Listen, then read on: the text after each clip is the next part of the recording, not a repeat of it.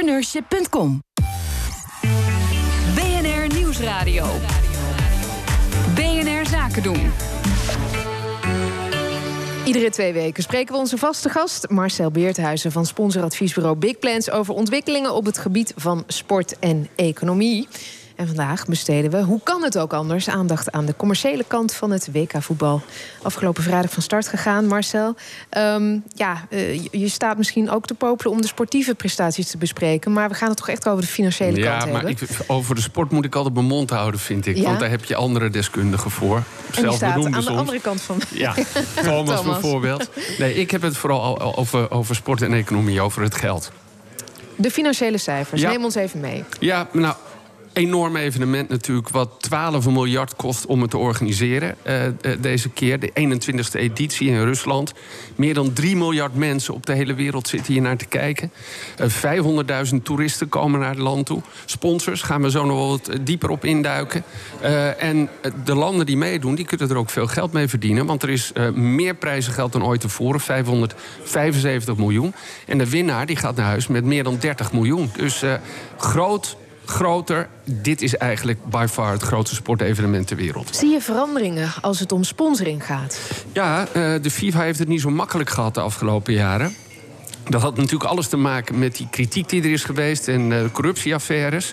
Dus ze hebben minder geld opgehaald dan, eh, dan zeg maar de vorige editie, hè, toen het in Brazilië was. Toen haalden ze 1,6 miljard euro op uit sponsoring, nu 1,4 miljard. Eh, westerse bedrijven, drie zijn afgehaakt, Amerikaanse bedrijven. Maar er is geluk, want de Chinezen stappen in, ook in het voetbal.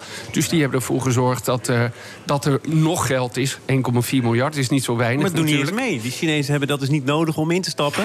Nou, ze doen niet mee, ze willen heel graag Ze werken meedoen. natuurlijk aan die droom om een groot voetballand te De worden. gedachte is, de overheid staat erachter. En eh, rond twee- 2030 willen zij gewoon het WK in hun eigen land organiseren. Dat is de gedachte. Oké, wat is er nog meer opgevallen? Nou, je ziet een paar dingen. Nike mocht geen eh, eh, spullen leveren aan Iran vanwege de boycott.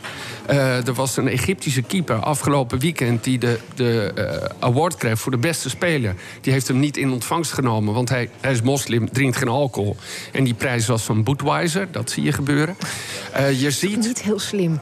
Nee, nou ja, dat is dan een sponsor. Het is eigenlijk voor het eerst dat dit naar voren komt. Maar goed, met, alle respect natuurlijk. Dus hij, hij hoeft dat ook ook niet te doen. bier? Ze hebben- ja, ik weet niet of Budweiser dat heeft, ongetwijfeld. Nou, dat zie je gebeuren. Je ziet dat veel meer mensen eh, eh, via de tele- mobiele telefoon gaan kijken. Dus het streamen neemt ongelooflijk toe. Wat Eh, voor effect heeft dat op sponsoring? Gewoon, eh, eh, Maakt niet zoveel uit, want eh, hè, ook, ook daar kun je natuurlijk een hele commerciële omgeving creëren met pre-rolls en allerlei advertenties en, en, en billboards als je dat zou willen. Eh, nee, het goede daarvan is dat juist steeds meer jonge mensen ook bereikt wordt. Hè. Je ziet bij heel veel sportevenementen dat die gemiddelde leeftijd omhoog gaat.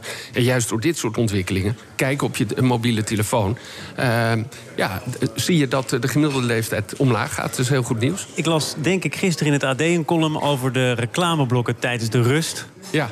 Eh, dat zijn hele lange reclameblokken en hele korte analyses. Ja. Eh, en daar zeiden ze, god, de NOS heeft zoveel reclame verkocht... dat ja, we kunnen die analyse ook wel overslaan. Daar is nog een minuut voor. Ja, eigenlijk was... Vind je dat gezeur of niet? Nou, dat was de afgelopen jaren al het geval. En eh, toen Nederland meedeed, was het nog veel erger. Want dan wordt er natuurlijk veel meer reclame verkocht.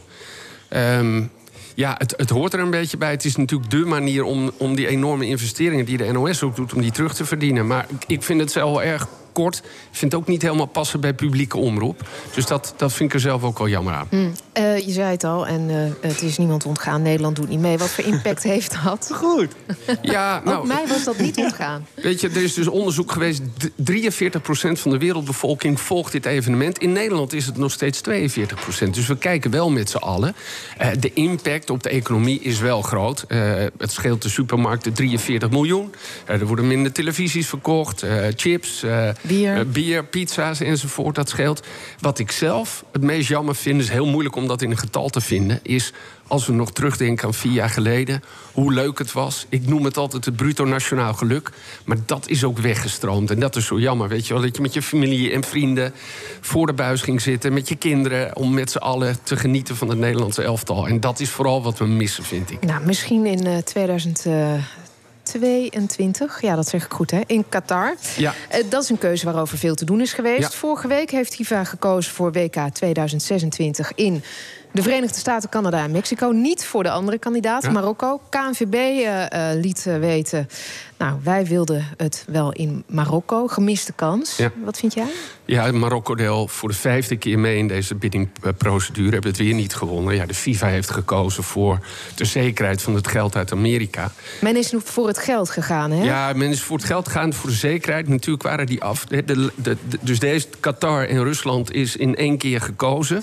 Daar was heel veel discussie over. Ze hebben nu voor de zekerheid gekozen. Alle stadions liggen er al in Amerika. Het is nog wel even de vraag wat Trump gaat doen. Want ko- hè, Amerika, komt iedereen Het is dan niet wel echt naar een binnen? voetballand. Ja, nou dat is zich natuurlijk op de colleges en zo enorm aan het ontwikkelen. Nou, ze en hebben dat het ook al een keer gedaan, in 1994 Ja. natuurlijk. Dus Ja. Marokko was dan toch aan de beurt. En wat is, er, wat is er over van het idee dat een toernooi lekker compact georganiseerd moet worden? Helemaal Ja, niet? Nee, nee, nee. Ja, kijk maar naar het EK 2020. Dat is natuurlijk, wordt in eh, meer dan Ja. tien landen gehouden. Dus eh, nee, juist het laten reizen van mensen... en op die manier de economie stimuleren zit er ook achter. Ik vind het ook jammer. Gaat het, eh, ik gaat snap het wel, maar ja, het is jammer dat Marokko niet die kans eh, krijgt. Maar ze geven niet op, heeft de koning gezegd. Dus ze gaan door. Het gaat wel de hele tijd over het laten rollen van geld in de economie. Ik vraag me wel af of het voor de sportliefhebber wel de, de leukste Nou, en de beste keuze is. Ja, wat ik ervan heb geleerd, en dit, dit hoor ik natuurlijk wel vaker... want ik word dan gezien als degene van het geld en niet van de sport... maar die, die fans die blijven dat altijd volgen. Wat er ook gebeurt,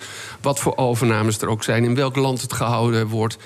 Dat voetbal is zo sterk, zo krachtig, zit zo in de harten van mensen. Ja, dat laat niemand eh, gaan. En, en wat er ook gebeurt, mensen blijven dat volgen. Je zei het al, ik, ik ga over het geld, over de sponsoring... niet over de prestaties, de, de Nee. sportieve prestaties. Maar ik wil je toch even vragen, wie staat er bovenaan in jouw pool? Ja, in mijn pool. Ik heb er twee, maar dat is eigenlijk heel sentimenteel. Eh, ik, ik hoop dat Messi nu een keer, want dat vind ik de allerbeste voetballer, dat hij ook wereldkampioen wordt. Dus dat is één. En de andere is, dat zijn onze zuidenburen, de Belgen. Die zou ik het ook wel gunnen om, om wereldkampioen te worden. Maar wie staat er bij jou in in je pool? Ik heb, geen, ik heb niet meegedaan aan de Nee. pool. Ik niet in Heel ieder geval. verrassend. Ik, ik, heb te veel verstand, ik heb te veel verstand om die pool te winnen, denk ik.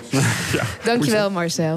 Graag gedaan. We gaan naar eh Roelof Hemmen. Doe jij mee met de pool eigenlijk? Of ben jij geen concurrent? Nee, maar ik weet, weet ik veel. Ah, oké, niet, nou, ja. niet helemaal mijn ding, weet je toch?